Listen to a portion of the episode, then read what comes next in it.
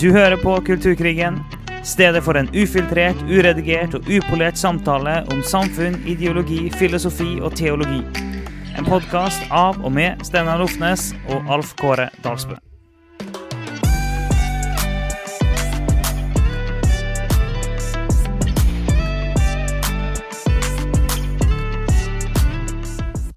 La oss, la oss gå inn i Dette er jo en sånn bølge. Vi har jo brukt mye bølger. Jeg, av en eller annen grunn så liker jeg å snakke om bølger. jeg har snakket om den bølgen av, av woke og ideologi og kulturell revolusjon. Um, en, en, en, en, ting som vi har uh, snakket om en del i det siste, um, og som står i veldig sånn sterk kontrast til dette her med vekkelse, det er at vi ser uh, at det er en uh, ja, må til og med bruke bildet igjen, en bølge av vranglære, faktisk, som beveger seg innover i frikirkelighet og det vi kaller eh, luthersk lavkirkelighet. Altså det er altså eh, de lutherske organisasjonene, bedehus og sånne ting det. At eh, noe som før kanskje har vært noe som vi har forbundet med teologisk strid i Den norske kirke, og vært litt sånn langt vekke fra oss, er nå begynt å komme mye tettere til våre rekker. Um, og, og, det er noe vi ser med stor bekymring på, og tror faktisk at det er veldig alvorlig, og såpass at vi bestemte oss for at vi skulle ha snakk om det i et par episoder. Og nå får vi heldigvis blande det sammen med å snakke om vekkelse. Uh, så, så, det som, sånn som vi ser det ut her, så er det jo to bølger som krasjer mot hverandre, rett og slett. To helt mm. forskjellige mm. bølger. Vi håper og tror at Gud virkelig gjør noe og vekker opp sitt folk. Eh, og samtidig ser vi at det er noe som Ja, det er vanskelig å vi, må, vi kaller jo en spade for en spade her i podkasten. Vi tror at det er djevelen, altså, som prøver å forføre sin menighet. Og nå er det kanskje litt rart å snakke om det, noen vil jo tenke at bare selve vekkelsesgreiene er en forføring, men ja. stakkars de som tenker det òg, for da er liksom djevelen er på alle sider, og det er bare mørkt alt sammen. Da er det forførelse ja. i kulturen og inni alt. Det er bare forførelse. Altså, det er jo trist. Ja, Gud velsigne deg, eh, hvis det er noe du tenker. Vi tror at Gud er aktiv, han gjør noe. Men det finnes òg en aktiv djevel inni dette som må prøve å forføre Guds menighet. Men vi, vi ser det som to, to ting som rett og slett krasjer.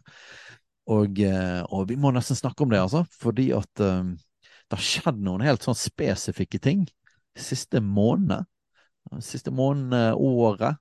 Um, der uh, det er en mann som heter uh, Terje Hegertun. Uh, en teolog, pinseteolog, og, som har skrevet en bok. Den kom, Når kom den ut? da? Nå er det et par år siden, kanskje? Den det, var, det, var, det var i våren 2021. Ja. Eh, så det, det, var på en måte den første biten, da, kan du si. Og så nå i mye mer nylig, da, så har det vært eh, kommet ut en ting i forhold til Oslo misjonskirke, som mm. der lederskapet ønsker å endre en praksis i forhold til homofilt samlevende, for å være litt spesifikk. Um, og så har det òg noe som ikke har fått kjempemye oppmerksomhet i, i, Norge, men vi ser definitivt som en eh, minst like alvorlig del av eh, denne her greien. Og det er at pastoren i Philadelphia, Stockholm, som er altså eh, største pinsemenigheten i Sverige. Og det er på en måte den Ja, nok en gang for de som kjenner vekkelseshistorien, så er det på en måte menigheten til Levi Petrus som var den som startet og gikk i spissen for den svenske pinsevekkelsen. Mm. Um, og en svær menighet da, i Stockholm på 4000-5000 medlemmer og sånt. Der eh, hovedpastoren har òg landet på um, Hva skal du kalle det? Eh, et liberalt syn på homofil praksis. Ja, og så kan det kan jo være eh, nyanser i, måte, i synet de her ulike har. Eh, det kan det jo være. Uh, det, så Vi sier ikke at de er 100 enige og har 100 det samme synet, men sånn grunnleggende sett så er det det samme det går i. At de har, de har funnet eh, grunner til å at, gå vekk fra Guds ord. Eh, og når de skal argumentere for det, så er det helt tydelig at de argumenterer ikke ut fra Bibelen, men de argumenterer ut fra menneskelig erfaring. og de mener det, at det, det finnes grunnlag for å si at uh, du kan leve uh, homofilt samlevende uten at det er synd, og at det kan kristne velsigne. Det Skal vi definere alt det der? For dette er jo noe som veldig ofte blir blandet i den offentlige debatten. Mm. Um, der man gjerne sier at kristne er mot homofile, eller mot som, måte, sammenblandinger av forskjellige ting. Vi har jo vært innom dette her med seksuell identitet og legning. Mm. Og selv om noen er veldig provosert av det, så, så, står vi jo for det at vi, vi mener ikke at det er sånn at det finnes egentlig seksuelle legninger. Uh, vi er skapt med en seksualitet basert på vårt kjønn, tror vi. Um, og så går det an å ha forskjellige seksuelle tiltrekninger.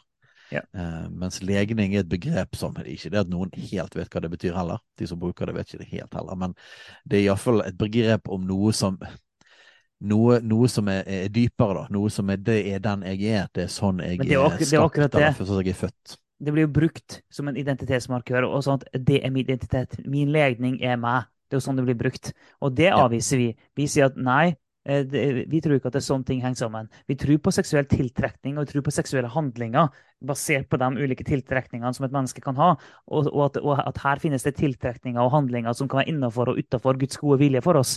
Det tror vi på.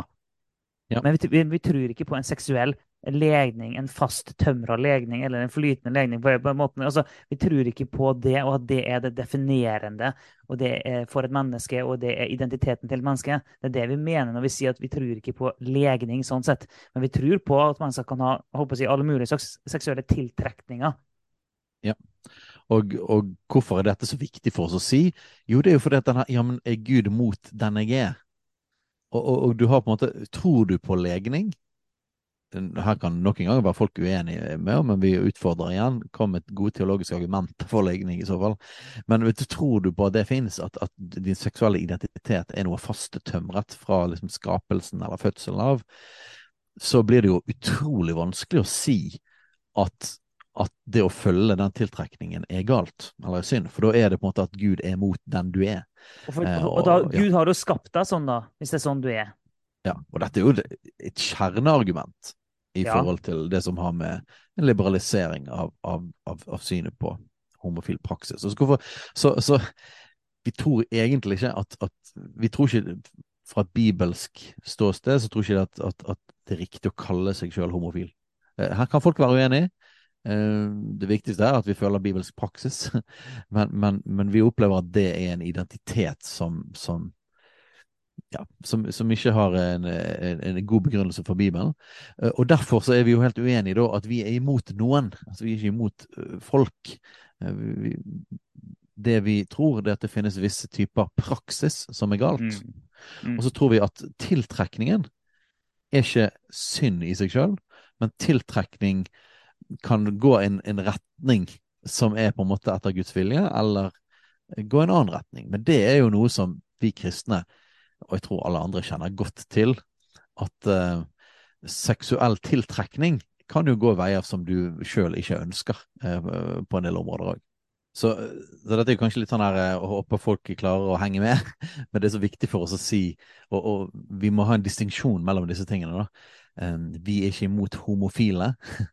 det er viktig for oss å si det at vi tror ikke at vi er sånn. Og alle ja. mennesker vil ha en seksuell tiltrekning til ting som vil være utenfor Guds vilje, og, og, og det er en del av en sånn klassisk kristen forståelse at vi, vi skal ikke, det er ikke meningen at vi skal følge alle våre lyster. Det er ikke sånn at all, all vår drivkraft til ting er, er, ting som vi skal følge. Um, så, men, men nå skal ikke vi snakke kjempelenge om homofili, det var ikke det som var poenget. Men, men, det er jo dette, akkurat disse tingene vi snakker om her, det er jo det det berører. hele denne her. Ja, men, men vi kan si da at en av grunnene til at dette blir så vanskelig å ha med det med identitet å gjøre, fordi når folk identifiserer seg at sånn, det her er meg, og når seksualitet blir identitet, noe vi ikke tror Vi tror ikke at mm. seksualiteten din er identiteten din. Vi tror ikke det, vi. Eh, men, men, når det er opplevelsen til folk, at min seksualitet er min identitet, altså mine seksuelle følelser og preferanser og tiltrekninger, det er meg. Og definerer meg. Ok, Når folk tenker det, selvfølgelig da, så oppleves det vanskelig og opprørende når vi da sier nei. Vi, vi tror at det der er utenfor Guds gode vilje, utenfor det Gud har skapt oss til. Da vil jo de, Det de hører da, er jo at jeg som menneske, den jeg er, er feil. Den jeg er, er utafor Guds gode vilje. Det er det de hører da. Og jeg forstår at det blir en krasj. Jeg forstår at det blir vanskelig. Og jeg forstår at det derfor føles ut som at vi er utrolig hard når vi sier det. Når det er det han tenker. Men, og vi hater men, folkene, sånn, så uansett Ja. hva vi sier. Nei, vi hater eh, handlingen, ikke, ikke, ikke person. Men det er bare sånn at hvis handlingen og person er blitt en og det samme i den måten Mm. å tenke på, så, så, så kan de ikke skille det. Mm, mm. Og, og hvis du tenker sånn på andre deler av livet Alle dine tiltrekninger og følelser, definerer det deg? Nei, det er jo ingen som egentlig tror på det. Det er ingen som egentlig tror på at bare fordi du har en tiltrekning mot et eller annet, nå snakker jeg ikke bare seksuelt, men at det dermed er din identitet. Folk tror ikke på det. Har du en tiltrekning mot at du har lyst til å stjele noe, så er du dermed per definisjon en kleptoman. Du er en tyv fordi du har lyst til å stjele. Fordi du føler en tiltrekning mot å stjele. Derfor er du en tyv. Altså, nei, men det, det er jo ingen som tror på det. Så jeg må bare prøve å utvide perspektivet litt her. Egentlig så tror vi ikke på den måten å tenke på, men av, av en eller annen grunn så har vi akseptert det akkurat når det gjelder seksualitet. Eh, og, og vi har den hatt før òg, da, men, men, eh, men, det, men, og da får vi den problematikken med at ja, men ok, men hvis den er tiltrukket av barn, og vi skal bare akseptere det, seksualiteten, og den skal aldri styres eh, på noe som helst vis, og seksu det mine seksuelle preferanser og tiltrekning, det er den jeg er, ja, da må vi jo akseptere det òg, da. Så, men ingen som tror på det egentlig. Og jeg sier det bare for å vise det tydelig at jeg forstår hvorfor folk reagerer, men ok, men, men egentlig så er det ikke sånn vi lever i samfunnet vårt. Vi tror egentlig ikke på det her, men av en eller annen grunn så tror vi på det med seksualitet. Ja, det er utrolig viktig å si òg at, at denne forståelsen av identitet og seksualitet er veldig ny. Det er ikke sånn Ja. man har forstått identitet gjennom historien. Så Mm. det, er en, det er en helt ny tanke. Uh, ja, vi skal ikke hoppe dypere inn i det, men hvorfor snakker vi om dette nå, da? Jo, fordi at eh, nå er det altså forskjellige menigheter som er da frikirkelige, eh, og en pinsemenighet i, i Sverige, som eh, som begynner å endre syn på dette her. Og helt sånn praktisk så handler det om ofte sp spørsmålet hva type tjeneste kan folk være involvert med i menigheten. Um, og så er det gjerne òg spørsmålet i forhold til eh, ekteskap. Kan man vie to kvinner eller to menn? Eh, eller kan man ikke det? Kan man velsigne? Det finnes jo eh, Anglikanske kirke har jo nå gått inn for en slags eh, mellomting der man velsigner forhold, men ikke vier. Eh, så det ofte blir, det blir sånne spesifikke spørsmål, men egentlig så er disse tingene bare symptom på noe helt annet, nemlig en endring i både forståelse av seksualitet, av identitet og av synet på Bibelen som Guds ord.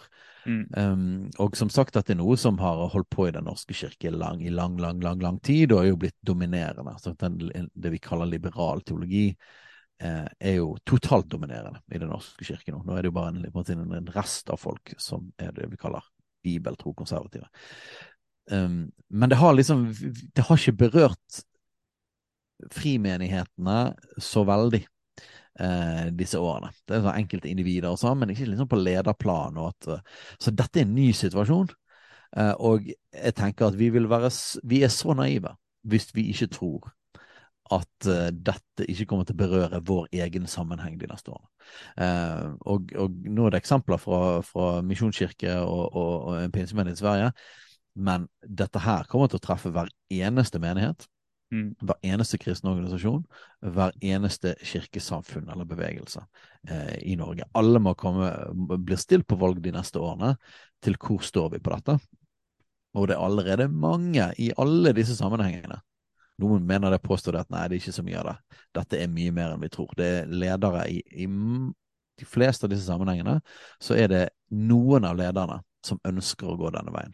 Mm. Eh, og det kommer til å bli en veldig tydelig, og jeg allerede er begynt en ganske sånn tydelig manøvrering i, i organisasjoner til hvordan hva fraksjoner er det som kommer til å lede eh, fremover, og, og kommer disse her det vi vil kalle liberal teologi. Nå har det vært en debatt i dagen på er dette liberal teologi, eller er dette en slags mellomting, eller et eller annet. Eh, vi debatten om hva du kaller liberal teologi, mener vi er underordnet. fordi at for oss så er det egentlig bedre å bruke ordet vranglære. Ja. Eh, Og det er et bibelsk ord. Eller å forkynne et falskt evangelium, for det er jo et bibelsk eh, ord. Og det, og det er noen som snakker om at eh, nei, de har ikke lyst til å bruke termene eh, konservativ og liberal og sånn. Og det, ok, greit, eh, det er ikke viktig for oss å bruke dem. Vi, eh, mener jo at de faktisk kommuniserer noe som er hensiktsmessig. Det mener vi. Det, men det vi mener med det, da, er at er du konservativ, så står du for en mer klassisk forståelse av Guds ord, og du er villig til å underlegge deg Guds ord. Guds ord er faktisk, faktisk autoritet i livet ditt. Mens eh, når vi, når vi sier liberal, så er det veldig folkelig og forenkla sagt, så mener vi at en åpner opp og, eh, og en eh, Hva skal vi si? Vi kan si sånn at Bibelen er ikke lenger autoritet i livet. Det er gjerne menneskelig erfaring som er autoritet i livet. Og en er villig til å omforme Bibelens budskap til å passe med nåtida.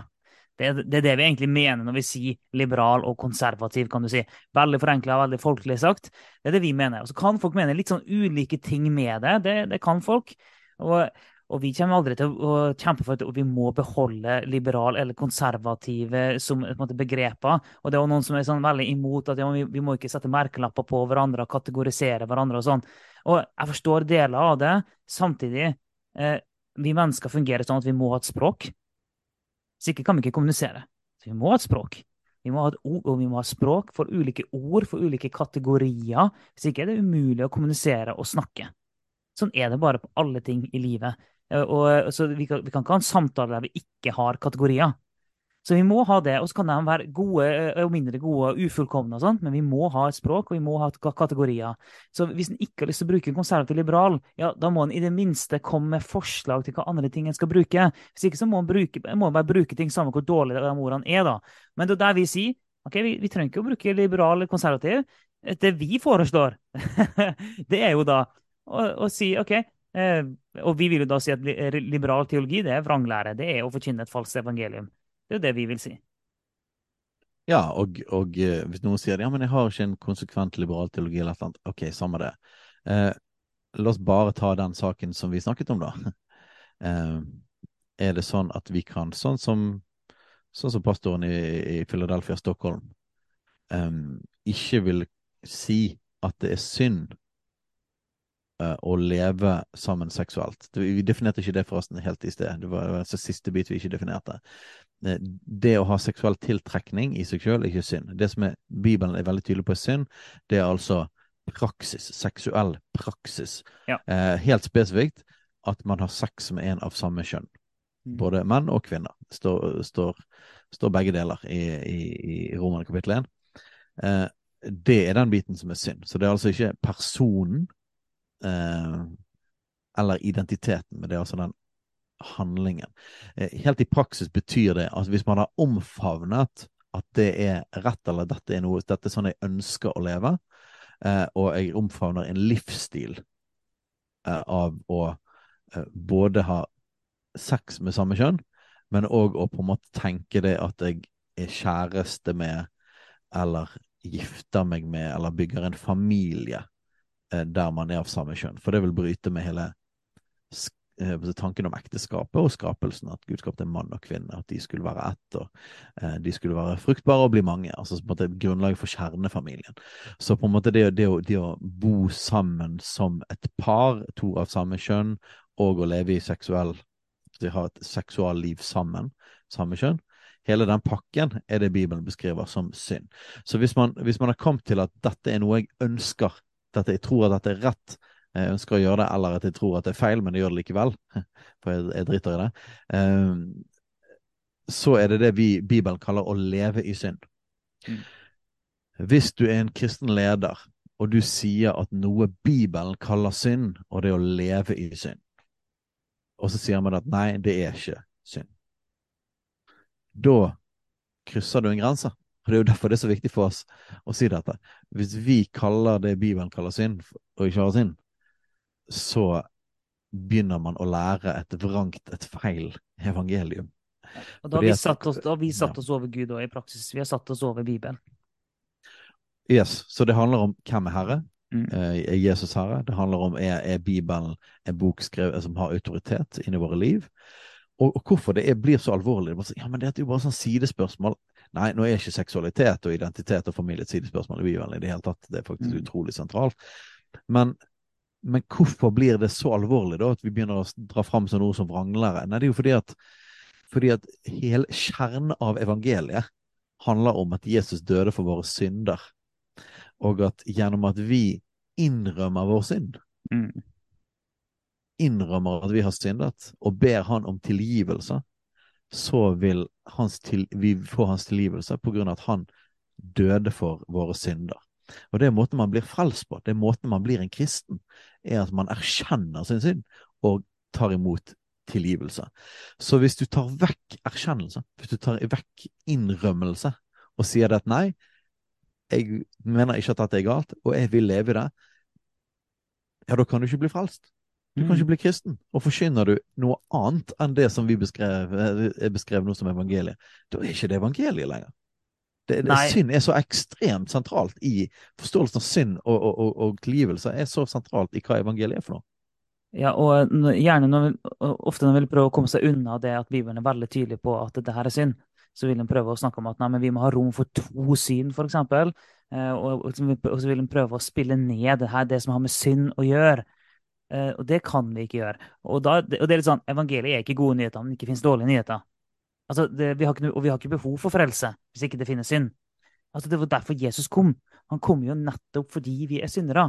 Nettopp fordi vi hadde falt. Så hvis synd ikke er en big deal, så sier du i praksis at Jesus død på korset ikke er en big deal, og du sier i praksis at det ikke var nødvendig. Altså, Vi kan ikke si sånne ting. Jesus kom. Og bare tenk sånn, Jesus som levde i himmelen i enhet med far, med Gud, valgte å legge av seg og, og legge fra av Hva skal vi si Han forlot, forlot guddommelige himmelen for å komme ned på jorda, og ikke bare leve her på jorda. Han fortsatte reisen nedover og gikk helt til bunns for å redde hele menneskeheten. Det gjorde han. Så alvorlig mener Jesus at synd er. Han mener at det er så alvorlig at han er villig til å dø. Og bare sånn, når, når vi har lyst til å bagatellisere synd, er det ikke så viktig. Eller som en i praksis gjør, da. Bare sånn, ja, men Jesus døde jo på grunn av det. Altså, Vi kan ikke si sånn at Jesus døde fordi at synden måtte bort. Så det er en helt reell ting vi aldri kan komme unna. Synd er reelt. Og vårt poeng er, er jo ikke å snakke mest om synd eller hva vi er imot, men vi må, vi, vi må adressere ting. Det må vi. Vi vil jo definitivt være mest for ting, men vi må adressere ting. Ja, og det er fordi at vi, vi, tror virkelig på Guds nåde og tilgivelse. Det er liksom det vår tro er basert på. Og eh, eh, vi er så utrolig takknemlige for at Jesus har tilgitt oss og vår synd, og det er noe som vi kontinuerlig lever i. Eh, vi kontinuerlig bøyer oss for Han og sier det at 'jeg vil leve for deg'. Og om jeg faller, og når vi faller, når vi mm. gjør noe som Bibelen kaller synd, så går vi til Jesus, eh, og så ber vi om tilgivelse igjen. Og sier at jeg ønsker å leve for deg, jeg ønsker ikke å leve i dette. Eh, og så er det dette at vi igjen og igjen må komme til han og motta denne nåden og denne tilgivelsen. Men det er en livsstil av å leve i nåde, det er en livsstil av å leve i erkjennelse, en livsstil av å leve i omvendelse og etterfølgelse av Jesus. Og det er en kristen livsstil, og det er så ekstremt sentralt i hele Bibelen. Mm. Det, mm. du, du, du, kan ikke kalle det kristendom uten at det er et sentralt element. Mm. Og, og, derfor blir det alvorlig. Og det hadde ikke trengt å være seksualitet, det kunne vært noe helt annet. Og ja. forskjellige tider, forskjellige kulturer, så vil det være forskjellige ting som vil være liksom ubehagelig, da, at, at uh, som på en måte evangeliet vil krasje mot, og det Bibelen uh, kaller synd, vil krasje mot. Og i vår tid er seksualiteten og identitet i seksualitet er blitt så svært. Mm at det er liksom det store greiene. Det er det det krasjer til. Men det har alltid, evangeliet har alltid vært støtende. Det har alltid vært mm. ting som eh, Sider av, av evangeliet som har vært utfordrende for kulturen, og at man, hvis man skal være litt mer sånn her, prøve å gjøre folk til laks, prøve å lage litt mer sånn spiselig kristendom, så er det jo gjerne de tingene der man krasjer med kulturen. Det er gjerne der man vil liksom Nei, ok, vi, vi, det er greit, det. Vi, vi trapper litt ned på det. Eh, og det var, det var masse sånne ting som skjedde når, når kristendommen kom til Norge, for eksempel. Da var det helt andre typer ting. Seksualitet var jo en big deal da òg, men, men, men, det var mange ting som var støtende eh, for liksom vikingene. eh, med den kristne troen. Um, og, og for eksempel dette med å sette barn ut i skogen, det var en big deal. Det er ikke lov til å drepe barna deres. Eh, forsynte, de, de kristne. Eh, det er ikke lov til å ta blodhevn. Hvis noen gjør noe mot deg, skal du tilgi dem. Oi, heierne. Det var sikkert en av de mest støtende tingene for, for nor nordmenn når evangeliet kom til Norge. Eh, og hadde du, hadde du latt en litt mer sånn spiselig evangelium, så hadde man sagt at nei, det er greit. Litt, litt blodhavn går greit. Du kan få lov til å hate dem, men kanskje ikke drepe dem, men du kan hate dem. Nei, evangeliet var knallradikalt. Du må vende om fra det. Slutt med det. ikke, ikke hevne, du skal tilgi. Du skal vise eh, godhet mot dine fiender. Sånn I Kina, Vekkelsen i, i, Kina, Marie Monsen, bare fyrer på noen eksempler her på hvordan dette funker. Der var dette òg med å, med å eh, ta livet av barna sine var en big deal blant kvinner i Kina når misjonærer kom der, så var det en, en, del av de tingene de snakket om. Og Marie Monsen, en norsk misjonær, var der borte. Det var sånn vekkelse brøt løs i hennes region, var det at, eh, at plutselig kom Den hellige ånd og overbeviste kvinnene om at dette var galt. Og mm. gråtende begynte de å komme til Marie Monsen, og de begynte å bekjenne sine synder og fortelle om barna som de hadde satt ut i skogen. Um, og når de bekjente sine synder, eh, og de kom til Jesus og fikk oppleve Guds nåde og tilgivelse, da brøt vekkelse løs i Kina. Eh, og det var en, en, kulturell ting som var støtende å forkynne eh, i, den tiden. At dette var feil, at dette var, dette var, galt. Og det traff alle sammen. Alle kjente seg fordømt av det. Eh, men, men, men sånn er evangeliet. Så vi kan ikke begynne å tulle med å, si at ting som Bibelen kaller synd, er ikke synd. Det er faktisk et farlig, en farlig vranglære. Ja, det er det. Og igjen, som du har sagt, med, vi snakker om seksualitet bare fordi det er det som er så høyt oppe på agendaen nå. og det har, Opp gjennom hele historien har, har vært ulike ting. Det skal riktignok sies at, at, seksualitet har veldig ofte vært en viktig ting. Og det som har virkelig kjennetegna den kristne menighet, er at den har vært motkulturell på seksualmoralen. Det har alltid kjennetegna den kristne menighet at den har levd på en helt annen måte når det gjelder seksualitet, enn det samfunnet har gjort. Så ja. kristne har alltid vært motkulturell når det gjelder seksualmoral. Bare så det er sagt. seksualitet og familie, ja, der har vi liksom alltid, alltid vært tydelige. Og det, og, det må vi være i dag òg. Eh, men det her med synd, da. Det er sånn Jeg vet at det er noen som ikke liker når vi sier eh, 'sånn kan ikke en kristen tenke', og, det, og sånne ting. Nå skal jeg si en ting som kanskje en, skal, Det her er kanskje enda mer provoserende enn det jeg skal si nå. Hvis ikke du tror på synd, så er du ikke kristen. Da er du ikke frelst. Det er faktisk så enkelt som det. Hvis synd ja, ja. ikke er en greie, ja, da er ikke du frelst. Det, det, ja, altså, det, altså det, Da er jo korset meningsløst. Nei, det er helt meningsløst. Jesus kom til jorden er meningsløst. Altså, da har du, ikke, du har ikke den kristne tro igjen. Nei, du har ikke det. Så det er helt umulig å være en kristen uten at du tror at synd er reelt. Ok, Da har vi, da har vi på en måte fått eh, etablert den. Så synd er en greie. Det er helt reelt. Det var derfor Jesus døde. Ok, så da vet vi det. Og så, da, og så, så kommer vi snakke men hva er det da som er synd? Og så skulle jeg ønske at han slapp å snakke om det, men det må vi snakke om, dessverre. Og da mener jo vi at Bibelen er krystallklar på hva det er som er synd. Og så er ikke poenget igjen å snakke om hva vi er mot, hva som er synd, men vi må adressere det. Og, og, og, og Bibelen er jo enda mer tydelig på hva den er for. Det er jo familie, ekteskapet mellom mann og kvinne. Og vi har nevnt det før, at det går som en rød tråd gjennom hele Bibelen.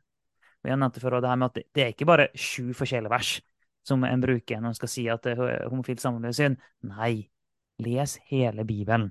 Bibelen er stappfull med eksempler på eksempler på eksempler. på eksempler. Hele narrativet til Bibelen, hele den røde tråden, peker mot et helt spesifikt bilde. Det er bruden og brudgommen. Altså er, hele Bibelen er full av symbolikk og bildebruk, profetiske bilder som peker i en helt spesifikk retning om hva det er som er Guds gode vilje, hva som er hans hensikt, hva som er innafor og utafor. Altså, Bibelen er krystallklar på det. Eh, så det, det, er ingen måte å komme seg unna det på. Og, og når synd er reelt, så må vi ta det alvorlig. Og, og, når da noen kristne vil påstå at nei, det her er ikke synd, ja, da, da, må vi si jo, det er det. Og da vil vi høres ut som mørkemenn som bare har lyst til å snakke om synd. Jeg har ikke, jeg har ikke lyst til det. Men når, folk, men når, kristne kommer og sier nei, det her er ikke synd, så må vi faktisk da dessverre si jo, det er det. Og hvorfor må vi si det? Jo, for det handler om frelsen. Så alvorlig er det. Det handler om frelsen. Ja, og la, Hvis du kobler dette litt både mot det vi har snakket om med vekkelse, men òg med kulturkrigen generelt, så liberal teologi er jo ett begrep. som blir litt sånn diskutert. Men jeg tenker at det er mer og mer relevant å egentlig kalle det woke-teologi. Mm. Eh, at, at, eh, de tankene som ble blandet inn i teologien, er egentlig utrolig eh, påvirket av alle de ideologiene vi har gått gjennom. Så det er det som kommer inn, da. En annen forståelse av identitet, en annen forståelse av sannhet. Um, og et, et, et, marxistisk undertrykker undertrykt eh, på en måte eh, si de briller på da, eh, når man leser Bibelen, eh, og, og, og, og, når man definerer liksom hva som er, er, er, rett og galt, og hva som er viktig og ikke viktig. Eh, så, så, på mange måter er det på en måte Vi ser det som at det er, det er, det er rett og slett ideologi som begynner å infiltrere inn i kristenheten og nå inn i frikirkeligheten. Og, eh, og, og, på den måten så blir det på en måte like relevant å snakke om vranglære, eh, om teologi, eh, inn i dette som, som på en måte bare hva, hva er de ideologiske røttene uh, i forhold til det som skjer i samfunnet. Uh, og det kule er jo det at uh, vekkelse, som vi heldigvis fikk snakke om noe positivt uh, i starten av denne podkasten, så er jo på en måte vekkelse er jo basically det motsatte av det. For når vi skulle beskrive vekkelse, så var jo en av de sentrale tingene var jo da uh, bekjenne sine synder og omvendelse. Fornye sin relasjon til Jesus. Altså det er jo basically det motsatte av det vi snakker om her. Mm. Um, og, det har vært et, en, et, kjennetegn på vekkelse i alle tider. Det er det at Den hellige ånd kommer. Det står at han overbeviser om synd, rett og dom. At Den hellige ånd kommer og overbeviser og, og bringer opp dette, som gjør at vi skal komme til Jesus. At han skal at peker på hva vi trenger å, legge ned, vi trenger å omvende oss fra, og synd som vi trenger å erkjenne, innrømme. Sånn at vi kan komme til Jesus, sånn at vi kan få nåde og tilgivelse, gjenopprettelse for frihet. Eh, det er jo basically vekkelse. Så vekkelse er det motsatte av denne andre bølgen vi snakker om. Mm. Og, og, eh, vi tror at, eh, at, som sagt, det er naivt å tenke at dette ikke vil berøre alle menigheter og sammenhenger i Norge de neste årene. Det er liksom at dette allerede fått foten innenfor døren nå. Eh, og, og, vi tror at det er tid for å stå fast Det er tid for å løfte tydelig og klart vår tro på evangeliet og, og Bibelen som Guds ord og dens autoritet. Og det er, tid, det, det, det er tid for fornyelse og vekkelse. Mm. Eh, at vi ikke bare er imot en negativ bølge, nei, men mer enn noen gang så trenger vi at Gud virkelig beveger seg. Og, og vi tror det kommer til å bli et, et skille i, i kristenfolket eh, i, i Norge i årene fremover mot de som virkelig ønsker å stå fast på Guds ord, og som ønsker vekkelse og står i en ny bølge av fornyelse og vekkelse og folk som møter Jesus, og de som rett og slett slipper inn denne verdens filosofi og ideologi inn mm. i menighetene sine. Mm. Mm. Og vi noen ting av det her er vanskelig å stå i, ja, da, da, søker vi Gud og vi ber om vekkelse. Da går vi for det. Ja. Så, så, så, vekkelse er utrolig viktig inn i dette her greiene. Eh, fordi at vi trenger ikke bare liksom å stå fast og snakke om hva som er galt, og forstå det, men vi trenger Guds kraft. Vi trenger Guds liv. Vi trenger fornyelse. Eh, sånn at vi kan stå fast. For vi ja, tror vi... ikke på bare en gammel, gammel død bok og eh, tørr, tør teologi. Vi tror på en levende Gud med, som er nærværende med sin ånd og med sin kjærlighet, med sin nåde og med sin kraft. Ja, og vi, og vi mener jo at det her er så ja, For å spole litt tilbake da, når vi snakker om eh, vranglære og synd, og, og, boka til Terje Hegertun og eh, Philadelphia, Stockholm og Oslo misjonskirke og de, de valgene de tar og sånn vi mener jo det at eh, en tar noen så dramatiske steg vekk fra Guds ord og Guds vilje at eh, går en den veien for langt, så er en jo ikke lenger kristne. Og det, og det, det, det klassiske spørsmålet er sånn at ja, men er det her kirkesplittende? Eh, selvfølgelig er det. Altså, det, det, er ikke et spørsmål engang. Å si noe annet går bare ikke an. Eh, selvfølgelig er det kirkesplittende når en sier at det som Guds ord er kjempetydelig på, er synd, og sier at det ikke er synd. Ja, selvfølgelig er det kirkesplittende. En har, I praksis så vil en over tid ende opp med å ha to forskjellige guder. Eh, så det, det er ingen tvil om at det, er kirkesplittende. Og, og en ser òg det her med sånn to syn. Hva, hva, er det som alltid skjer når en åpner opp for to syn? Jo, det er det at det liberale synet vinner. Det skjer hver eneste gang Du finner ingen sammenheng der en har åpna opp for såkalte to syn, hvor ikke det liberale vinner fram til slutt. Eh, og, og, så um, og i Den norske kirke så blir det jo mer, mer vanskeligere og vanskeligere å ha det gamle, klassiske synet, og det blir mindre og mindre akseptert. Så i realiteten er det jo ikke to syn der heller. Det er jo ikke det. Um, og så så er det mange liberale vil gjerne at vi skal ha en såkalt samtale. Det høres veldig fint ut. Ja, men vi må ha en samtale om det her. Vi må ha en dialog om det her. Og vi må ha den sakte, ærlige, sårbare, fine, rolige samtalen. Høres veldig, veldig fint ut. Det må vi ha. Det kan, og av og til kan vi bli lurt av den måten å snakke på. Men det, sånn, men det som egentlig ligger til grunn her, det er at nei, det er jo ikke en samtale. Det er jo det, det, eh, Fordi at en går inn i den samtalen da, med, med, en tanke om at eh, det klassiske synet må forandres. Og når Bibelen er krystallklar på noen ting er synd Ta for eksempel, uh, Nå blir sikkert noen provosert igjen, det får bare være. Uh, ta for eksempel uh, det å drepe. Bare for å gjøre det litt tydelig her. Ok, Er det noen kristne som tenker nei, å drepe det, det, går bra, det, det, det, er ikke så farlig? Nei. alle vil være enige om nei, det er synd. Å drepe sin. Ok. Skal vi da gå med på premisset om at vi må ha en rolig, langsom, fin samtale med noen som mener at det er greit å drepe? Selvfølgelig ikke.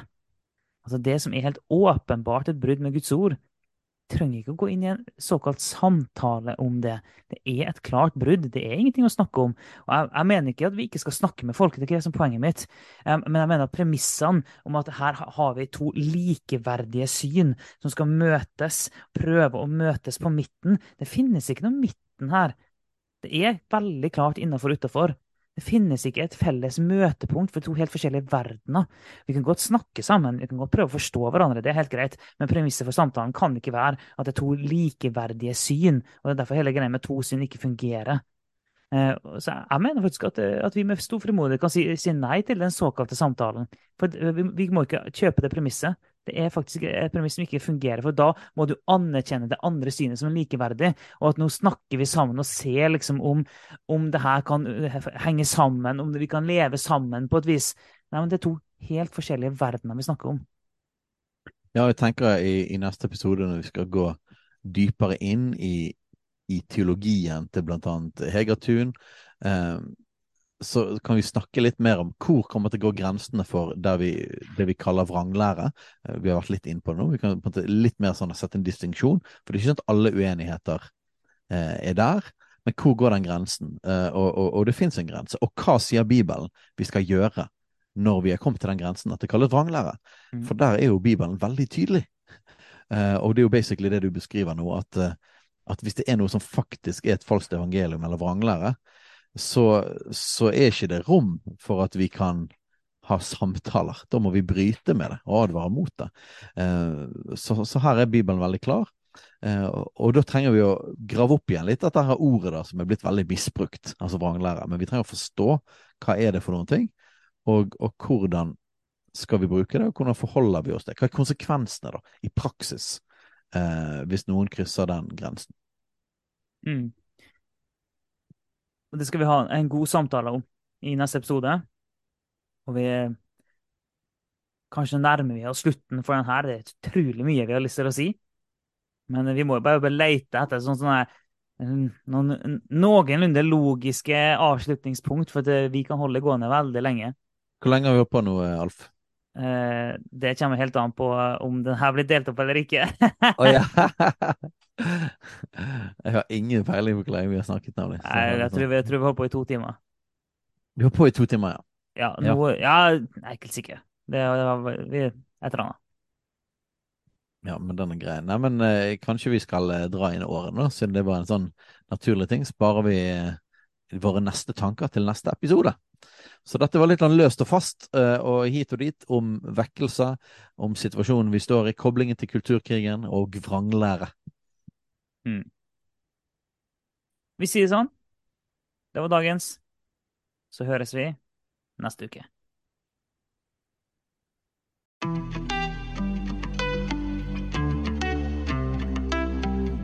Takk for at du lytter på Kulturkrigen. Om du har tilbakemeldinger, spørsmål, hva som helst egentlig, send inn til post alfakrøll kulturkrigen.no eller på sosiale medier.